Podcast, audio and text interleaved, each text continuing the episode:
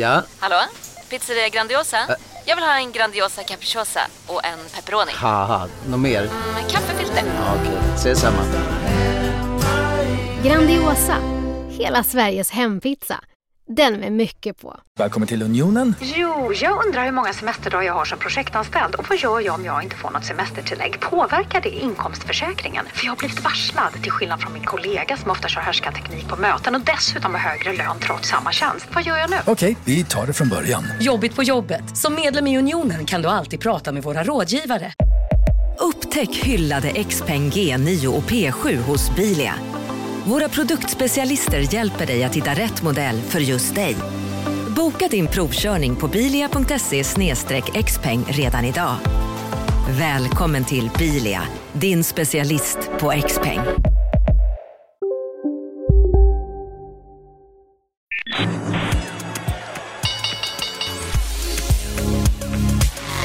Det här är Marknaden med Helene Rothstein. Hej och hjärtligt välkommen till podden Marknaden. Ett program där du hör en längre intervju på måndagar och ett liveinspelat veckomagasin på fredagar. Jag heter Helene Rothstein och med mig i studion idag så har jag Johanna Ahlqvist, fondförvaltare på Kliens. Vi har Carl Hammer som är analyschef och valutaexpert på SEB. Och senare så kommer vi få besök av en till Johanna, nämligen Johanna Sommarlund som jobbar med incitamentprogram på Novare Pay. Hörni, välkomna hit! Tack så mycket. Tackar. Vi ska som vanligt ta upp tre ämnen från veckan som gått och vi ska prata om centralbankernas räntehöjningar, om den rekordsvaga kronan och vi ska prata om hur börsnedgång påverkar incitamentprogrammen och vilka konsekvenser det får. Men vi börjar med räntorna för i onsdag så stod det klart att USAs centralbank Fed höjer styrräntan med 75 punkter, en så kallad trippelhöjning. Och eh, dagen före så hade svenska riksbanken chockhöjt eh, med en hel procentenhet och räntorna ligger nu på den högsta nivån sedan finanskrisen 2008. Och vi går mot det sämsta börsåret sedan just 2008. Och igår så stängde Stockholmsbörsen på årslägsta. Johanna Ahlqvist, innan du började på Kliens så arbetade du som aktieanalytiker 15 år. Nu har du breddat dig och du ska hitta pärlor på den svenska börsen. Mm. Hur går det? Ja, men det är ett eh, spännande år får man väl säga. Eh, och mycket av börsen har ju styrts av räntor. Vi pratar väldigt mycket liksom, vad ska Fed göra med räntan eh, upp och ner. Och eh, någonstans så får man väl tänka lite sådär, vad är anledningen till att Fed höjer räntan? Eh, och det är ju för att stävja inflationen. Eh, och den var ju hög redan innan vi fick en energikris till följd av det här kriget. Eh, och någonstans kan man väl säga att senaste åren har vi ju levt på väldigt låga eller icke-existerande räntor och även otroliga stimulanser in i ekonomin. Så att, att vi ska få en avkylning av ekonomin, vilket är Feds tanke med att höja räntan då, det är ju bara sunt. Eh, och sen så någonstans så får man väl i det där navigera sig för att det är klart att aktiemarknaden tycker inte om höga räntor, speciellt inte tillväxtaktier. Eh, så är det Så att eh, det får man väl eh, navigera i det klimatet. Men jag tror redan när vi gick in i det här året så förstod nog alla att räntorna kommer höjas för att kyla av den här inflationstopparna eh, vi ser nu. Och nu har det blivit en aggressivare räntebana då än man trodde på slutet.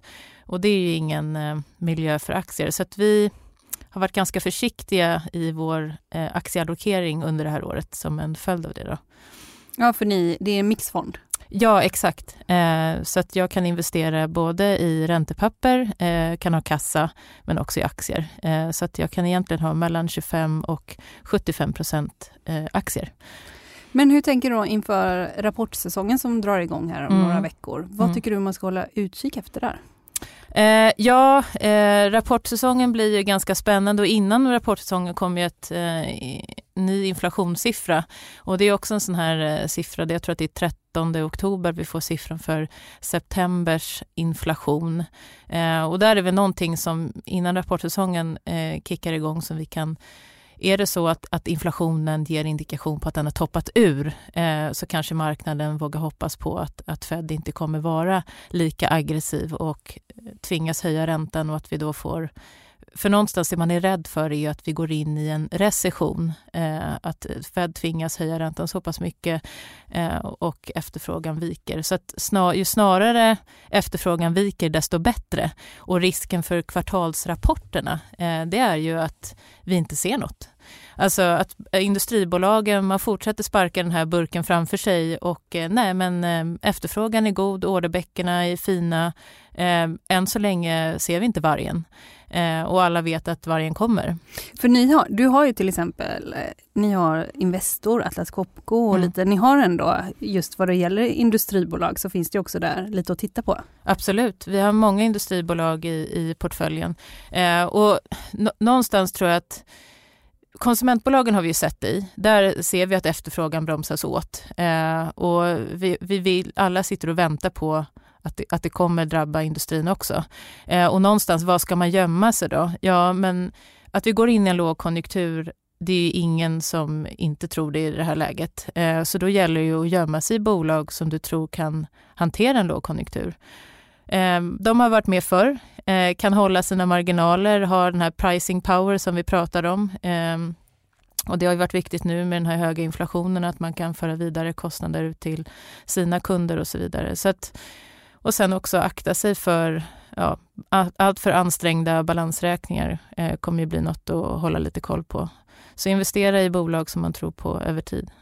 Men Johanna, vad tycker du man ska akta sig för då här på, på kort sikt om vi säger, nu i höst? Ja, alltså vi har ju hållit oss borta från konsumentsektorn ganska länge. Eh, både fastigheter och konsument har ju varit liksom toxic och jag tror att det finns fortfarande lite miner kvar där ute. Vi ser, ja, konsumentbolagen är egentligen de enda som har sett något på den här vikande efterfrågan. Och nu står man ju, äntligen börjar liksom lätta lite i komponentleden också, eh, så de får tillgång till varor. Eh, och då kan det ju bli liksom den perfekta stormen här, att man helt plötsligt får man varor, eh, man har höga lager sedan innan och då finns inte efterfrågan där.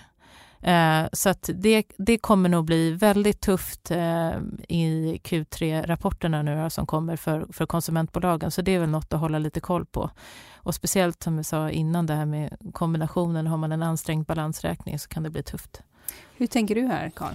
Nej, men jag är bara lite fascinerad över att vi ser väldigt många förtroendebarometrar barometrar nere i, i källaren verkligen. Djupt lågt konsumentförtroende och samtidigt tycker vi inte sett de fulla effekterna i till exempel det, aggregerade detaljhandelssiffror än. Um, det kan vara en inflationseffekt av att vi, vi har prisstegringar på saker och vi mäter i nominella termer och så vidare. Men, men uh, jag håller helt med Johanna att man, man, man sitter och väntar på det här att det ska bli en, en riktig smäll eh, makromässigt i den delen av datan och vi har inte riktigt sett den tycker jag. Du undrar lite varför ser vi inte de här, det här i siffrorna nu? Ja, eller jag undrar vad vi missar egentligen. För vi som sitter och stirrar på skärmen hela dagen ser framför oss någonting som är väldigt mörkt men datan är inte riktigt där ändå. Så. Ja, vi såg, jag tror Fedex kom eh, med sin Q1-rapport igår och de säger att det börjar vika både i USA Asien nu. Eh, och som sagt, vissa, många konsumentbolag har ju börjat vinstvarna. Vi hade Thule, Mips och sådär. Så att, eh, sen är frågan som sagt, hur djupt ner ska vi? Det är väl den... Du menar också att industribolagen här, de laggar lite? Absolut, ja. eh, absolut. Så att de är ju sist, och bolagen, det ska man inte glömma, bolagen är alltid sist att se det. Eh, och vi sitter ju och tittar på vinstestimat. Eh, jag menar, det är analytiker som jag själv var tidigare som, som sitter och gör estimat på vad, vad bolagen ska tjäna för pengar nästa år. Och det är ingen som lägger in en outright lågkonjunktur eller än mindre en recession. Eh, så att nu sitter vi lite och väntar bara på att vinstrevideringarna ska komma. Eh, och börsen har ju talat sitt tydliga språk att de ska ner. Sen är frågan hur mycket och har vi tagit höjd för, för det fallet och det får vi väl se. Det låter som en väldigt spännande höst. Ja men verkligen. Ja, mår du bra? Du är ganska nybliven fondförvaltare ändå. Du har ju inte börjat vilken, eh, vilken tid som helst. Nej men, eh, nej, men jag mår ganska bra. Trots, eh, men jag är gladare när börsen går upp. Mm. Ja. Marknaden sponsras av SPP, pensionsbolaget. Eh, förra gången pratade vi lite om ITP. Och som en kort repetition så, så var det ju 70-tal, arbetsmarknadens parter bestämde att alla tjänstemän ska ha en tjänstepension. Man kom överens om vilka villkor som ska gälla i den här pensionen och så kallade man den för ITP. Så jobbar man idag som tjänsteman i ett företag med kollektivavtal, då har man förmodligen den här pensionen, ITP-pensionen. Eh, och det är ju så att man kan påverka eh, den här pensionen, hur den är placerad. Vart femte år så gör nämligen Collectum, som de heter, en enorm upphandling där olika pensionsbolag kan ansöka om att få förvalta eh, de här pensionerna. Och SPP är ett av bolagen som valdes ut i den senaste upphandlingen. Och sen kan eh, du som pensionssparare välja eh, vilket av de här olika pensionsbolagen som, som då ska få ta hand om dina pengar. Och tanken med den här upphandlingen det är ju att liksom kvalitetssäkra de här olika alternativen eh, men också att förhandla fram stora rabatter så att pensionsspararna ska få ja, kunna spara pengar genom att avgifterna eh, som är så viktiga eh, blir eh, lägre. Och vill man välja någonting i ITP-systemet då finns det en relativt ny sajt som heter avtalat.se. Ehm, där kan man gå in och se hur sin ITP-pension är placerad. Jag gjorde det häromdagen faktiskt. Ehm, idén är att hälften av pengarna alltid ligger i något som kallas för traditionell försäkring. Det här gjorde vi ett avsnitt om i podden Kapitalet nyligen eh, som vi kallade världens bästa sparform. kan man lyssna på om man är intresserad. Eh, den andra halvan eh, den kan man också lägga i en traditionell försäkring eller så kan man placera det i något som kallas för fondförsäkring. Eh, SPP som sagt eh, var ju ett av de fåtal bolagen som valdes ut i den senaste upphandlingen och de finns med som alternativ både med en traditionell försäkring och med eh, fonder. Så det var en liten bakgrund till ITP-systemet. Vill man läsa mer om det här eller typ kolla hur ITP-pensionen är placerad, eh, kanske göra förändringar, då går man in på avtalat.se. Eh, men tack säger jag till SPP som vill göra oss människor mer medvetna om hur enormt viktig pensionen är för oss som en framtida lön, men också som en positiv kraft i samhället eh, och förstås för att ni möjliggör eh, den här podden Marknaden. Du lyssnar på Marknaden med Helene Rothstein. Karl Hammer, eh, du fokuserar ju på global makrostrategi, valutor och centralbanker för SEBs räkning. Och du har också ett förflutet på Riksgälden och arbetat som portföljförvaltare av den svenska statens utlandsskuld och jobbat i finansbranschen i London och så vidare. Som riktigt valutaproffs, vad säger du om de här räntebeskeden som har kommit in? Ja, alltså det, det är intressant att höra Johanna resonera om det här. För det är ju det är intressant från ditt perspektiv att aktiemarknaden är ju väldigt eh, makrodriven. Eh, och eh, jag tror liksom, man ska vara ödmjuk med att säga att ekonomkollektivet, liksom väldigt många andra, har blivit taget på sängen av hur pass ihärdig och hög den här inflationen har blivit. Det, det får man ju vara ödmjuk och säga. Sen så tog ju räntemarknaden, började ju räkna redan förra hösten med att det här skulle bli lite mer allvarligt än vad både centralbanker och inflationsprognosmakare ändå gjorde. Och, och marknaden har ju varit rätt ute snarare än centralbanker och ekonomkollektiv man säger så. Marknaden brukar vi säga alltid ha rätt men i det här fallet så signalerar marknaden tydligt eh, och har skjutit centralbankerna framför sig eh, genom att, att liksom kräva av dem räntehöjningar och, och bekräfta det scenario som man har börjat prisa. Um, och som Johanna varit inne på, det, det, som är, alltså USA ligger före som vanligt i cykeln. Vi tror att inflationen i USA toppar lite tidigare. Europa har ett jätteproblem med sina e, energipriser just nu. USA har ett annat problem och det är att underliggande inflation är mer betydande. Det är högre löneökningar och så vidare. Så Fed har egentligen ett större problem än andra centralbanker att börja bekämpa nu. Och sen då när vi tänker in på eh, valutamarknaden och så vidare, då har vi det här gamla vanliga klassiska som, som vi befinner oss i nu. Det är nästan en perfekt storm för dollarn. Och vi börjar nästan prata om att vi ska ha mera globalt koordinerade valutainterventioner snart för att dollarn håller på att bli så stark. Och vi såg nu i veckan här ju att Bank of Japan började försvara sin valuta genom att då sälja valutor och köpa yenen, för yenen har gått och blivit Eh, Eh, väl svag. Så just nu är det en, en storm vi bevittnar och, och väldigt svårt att säga var, hur det här ska sluta faktiskt. Men jag tänkte på detta för Riksbanken, eh, i den svenska Riksbanken, man säger att man gör ju det bästa för att stävja inflationen, men samtidigt så ägnar man sig åt att bygga en valutareserv.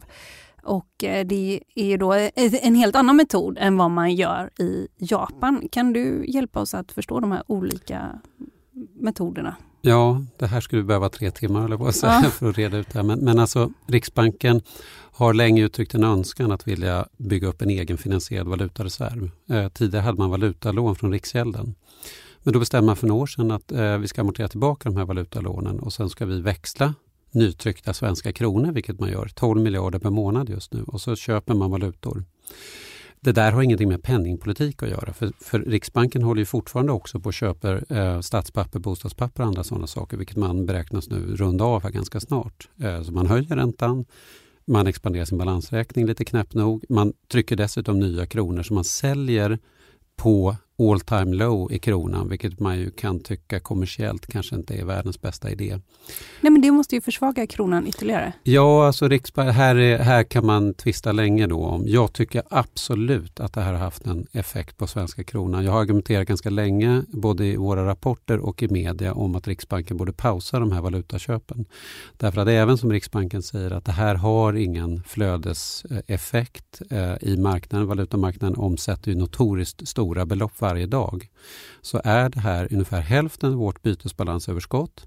Det är 2-3% av BNP och framförallt så är det en signaleffekt. Eh, vår svenska centralbank i det läget vi befinner oss i, där kronan är jättesvag och där vi importerar väldigt mycket inflation som på marginalen trots allt leder till att Riksbanken måste höja räntan ännu mer går ut och fortsätter att sälja sin, sin valuta. Så det är, det är mer en signaleffekt än någonting annat där man visar på att man, eh, man bryr sig inte helt enkelt om eh, växelkursen så mycket som man borde göra. Och det tycker jag är ett problem.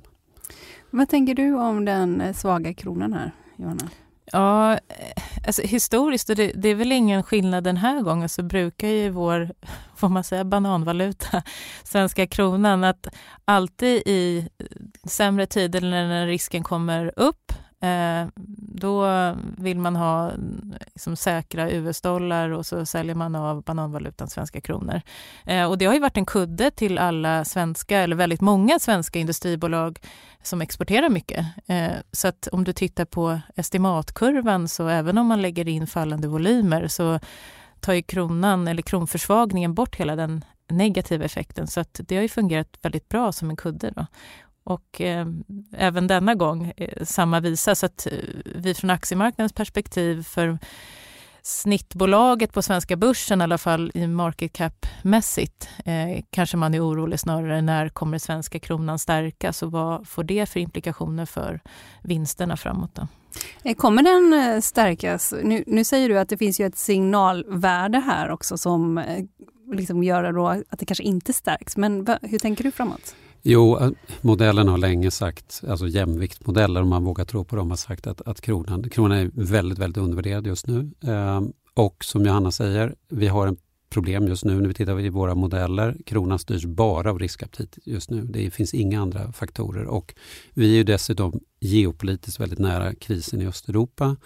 Vi är en, en eh, jag brukar kalla det en högbeta-euro. Vi är väldigt kopplade till eurozonen. Riksbanken har fört samma penningpris som ECB i tio år. Vi är de facto med i, i eurosamarbetet fast vi har en flytande växelkurs. Det är väldigt knäppt det där. Så valutamarknaden behandlar kronan som en, en väldigt känslig euro. Så i starka dollartider så försvagas euron såklart och kronan faller ännu mer. Eh, och det här kommer vända självklart. Eh, vi kommer se att kronan börjar stärkas så småningom igen och jag tror att det kommer ske i början av 23. Riksbanken är klar med sina valutaköp då och börsen kommer bottna någon gång inom 3-6 månader är min bästa gissning. Är det din bästa gissning också, Anna? Ja, valutaprognoser, den håller jag mig borta ifrån. men men, men det, det rimmar ungefär kanske med Feds räntekurva. De säger väl att de ska börja sänka där 2024 någonstans. Eh, men jag tror vi pratar mycket om, om eh, räntor och valutor nu, men tittar man på på börsen eh, och utvecklingen där så är det ju ofta, det är mitt i en lågkonjunktur som börsen brukar vända, när det ser som absolut mörkast ut. Eh, så det är fördelen att, eh, att titta och arbeta med börsen, att vi har en förmåga att se runt hörn. Eh, så att, sen är frågan, när vänder börsen? För som du sa, nu, nu är det ju väldigt, ja, vi är ner över 30 procent i år, en av de sämsta börsåren och så vidare. Så att eh, jag har stor respekt för att eh, timing, eh, det kommer inte vara lätt att sätta liksom, absolut botten, men eh, som sagt, jag är försiktigt optimistisk om att om inflationen rullar över så kanske vi kan undvika en recession, bara en lågkonjunktur och, och mm, då kan nog aktier ha ett ganska ja, ett bättre klimat i alla fall än vad det ser ut nu. Läser man på universitetet så får man lära sig tidigt att en svag krona eldar på inflationen eftersom högre priser letas in i landet genom stigande importpriser. Men det ska också gynna exporterande bolag som tar betalt i svenska kronor. Vilken effekt är störst här, Johanna? Ja, alltså det var ju lite det vi var inne på med exportbolagen. De gynnas ju väldigt mycket av och det kommer vara så fortsatt. För jag tänker, de köper också in överallt ifrån. Alltså ja. det är inte bara, liksom man köper in från hela världen, sätter ihop ja. någonting och sen exporterar. Ja, men det, alltså för exportbolagen så, så är det absolut eh, eh, Eh, de är dollarvinnare eh, så att säga eh, på en, en stark dollar, svag krona. Eh, men sen har du bolag som H&M som har väldigt tvärtom, där är kostnadsbasen å andra sidan eh, mycket i dollarpeggade valutor. Så att de straffas ju. De är väl en av Stockholmsbörsens största eh, ja, som har, har största motvinden av, av den valutan som vi ser nu. Eh, så det finns båda delar. Ja, Karl, eh, sista frågan om detta. Då. Vilka andra och kanske oanade effekter får den svenska kronan som vi inte kanske kan tänka nu?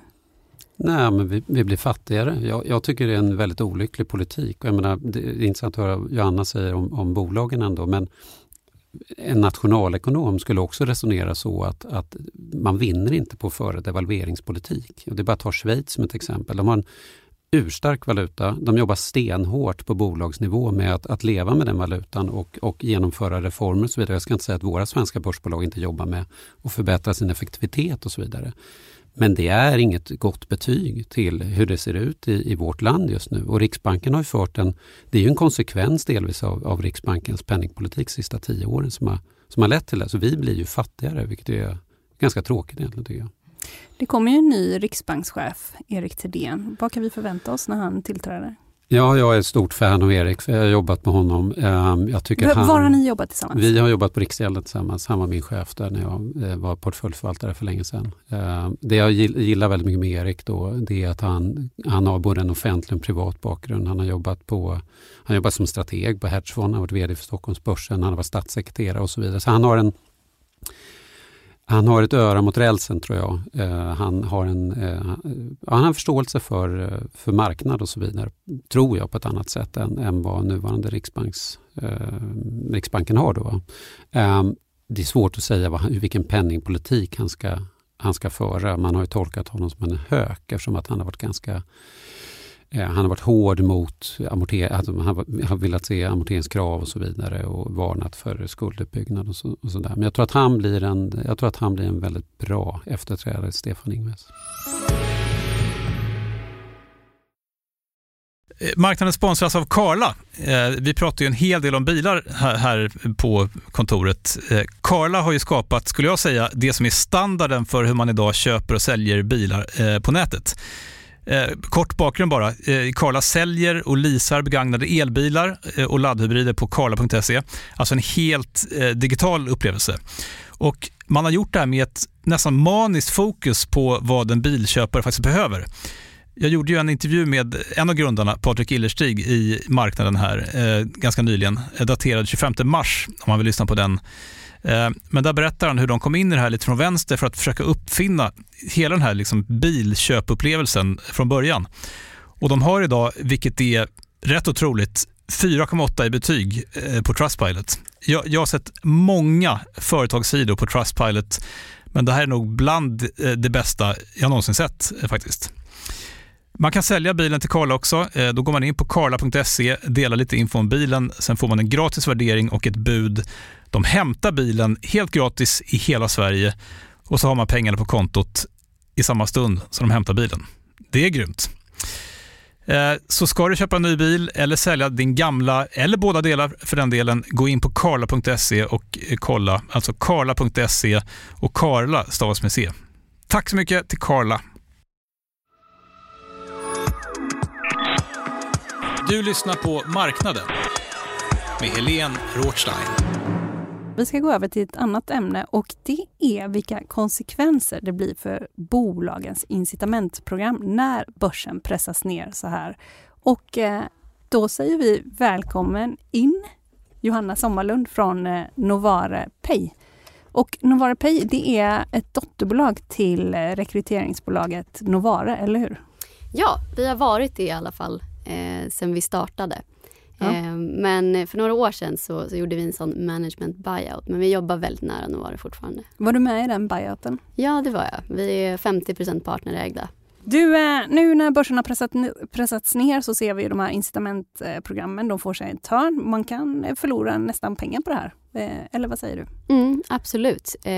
Vi tittar ju på i vårt bolag det som kallas för långsiktiga incitamentsprogram eller LTI-program då kort.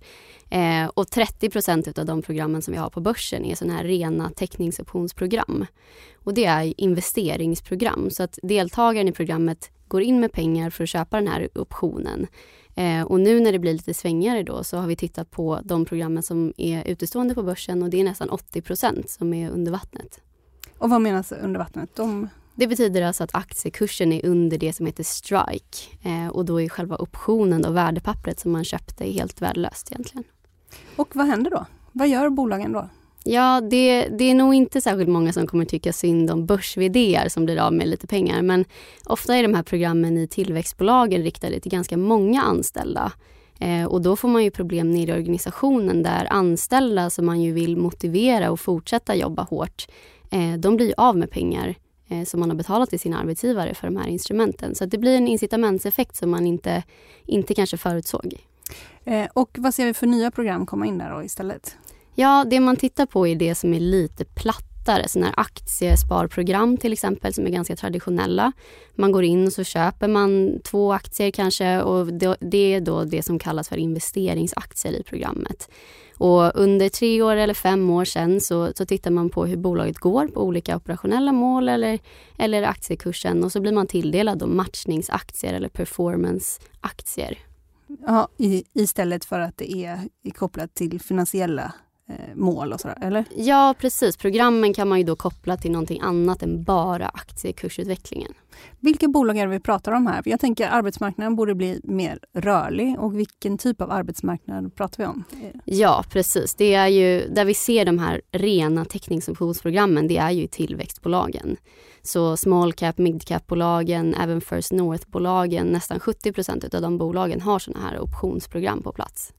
Är den här utvecklingen att, eh, att de här programmen liksom kanske håller på att fasas ut nu när börsen pressas ner då? Är det bra eller dåligt? Vi brukar se lite rörelse liksom i, i riskaptiten i de här programmen och då tittar man på sådana här plattare program. Och det som är syftet med de här platta programmen det är ju att skapa aktieägande över tid för deltagarna. Eh, och det tror jag att de här platta programmen gör på ett bättre sätt. En, en, du menar innan så kunde man ta sin bonus och dra ungefär eller köpa bil eller man var inte långvarig investerare i bolaget? Ja, så skulle man kunna se det. Så de här teckningsoptionsprogrammen då, ofta så var man i ett tillväxtbolag som det gick väldigt bra för, då var den här optionen supervärdefull sen när man fick köpa den där underliggande aktien och då kanske man ville sälja av för att casha ut lite grann och så blev det kanske en, en sommarstuga istället för ett långsiktigt aktieägande, vilket, vilket ju kanske känns helt rimligt om du är, är en anställd i ett bolag. Um, du har ju också tittat på, vi pratade vidare lite tidigare, och du har ju också tittat på att de här incitamentsprogrammen i Sverige, de är ganska dåligt kopplade till ESG sa du. Mm, nej men precis. Så, så tittar vi på en, en liksom global basis så är det en ganska stor trend de senaste 5-10 åren att koppla de här Eh, rörliga löneprogrammen, då, både årsbonusen och den som är över flera år, till hållbarhetskriterier. Och där ligger vi efter i Sverige. I den studien som gjordes senast, då, då var det 16 procent ungefär av börsens bolag som gjorde det. Eh, och tittar vi liksom utanför Sverige så är den siffran redan uppe på 40, 50, 60 procent i vissa källor. Eh, Men, men, men vad ska det vara för ESG-mål? Ja, det är ju då inom ramen för det som, som är liksom både E och S och G. Så det som är liksom eh, miljö, eh, social hållbarhet och sen governance. Då. Och där har vi till exempel bankerna tittar mycket på compliance inom ramen för det G. Eh, och socialt, då kan det vara, vi ser kvinnliga ledare. Eh, vi ser eh, andra spännande kriterier liksom inom, inom ramen för, för eh, jämställdhet och liksom mångfald. Eh, och under E då är det allra vanligaste såklart då liksom koldioxidutsläpp. Men de stora börsbolagen, har de det här? Eh... Ja, det ökar. På large cap så är vi uppe på 20% av bolagen. Eh, och det som är spännande är ju också att våra institutionella ägare, alltså våra riktigt stora ägare, de börjar vakna lite grann på det här ämnet och, och börjar prata mer och mer om det. Eh, så vi ser ju att den här trenden kommer bara fortsätta. Men apropå ESG, en eh, ny här, en ny kandidat inom de här incitamentprogrammen, det var Ericsson hörde jag. Ja, precis. De, eh, det var under förra året som de föreslog. Så de har både klimatmål och även liksom jämställdhetsmål. För jag tänkte koppla in eh, den andra Johanna här, mm. Johanna Ahlqvist mm. från Kliens. Du, innan du började och var som fondförvaltare så var du aktieanalytiker på SEB i många år och mm. ni känner ju varandra därifrån, Karl och Johanna. Det är Exakt. Det. Ja, från SEB-tiden.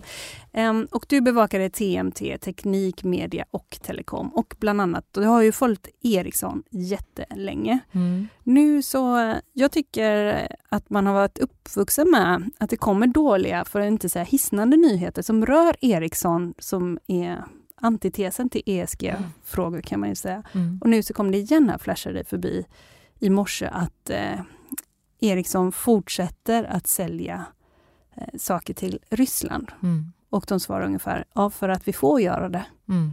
Vad, hur ska man förstå det här?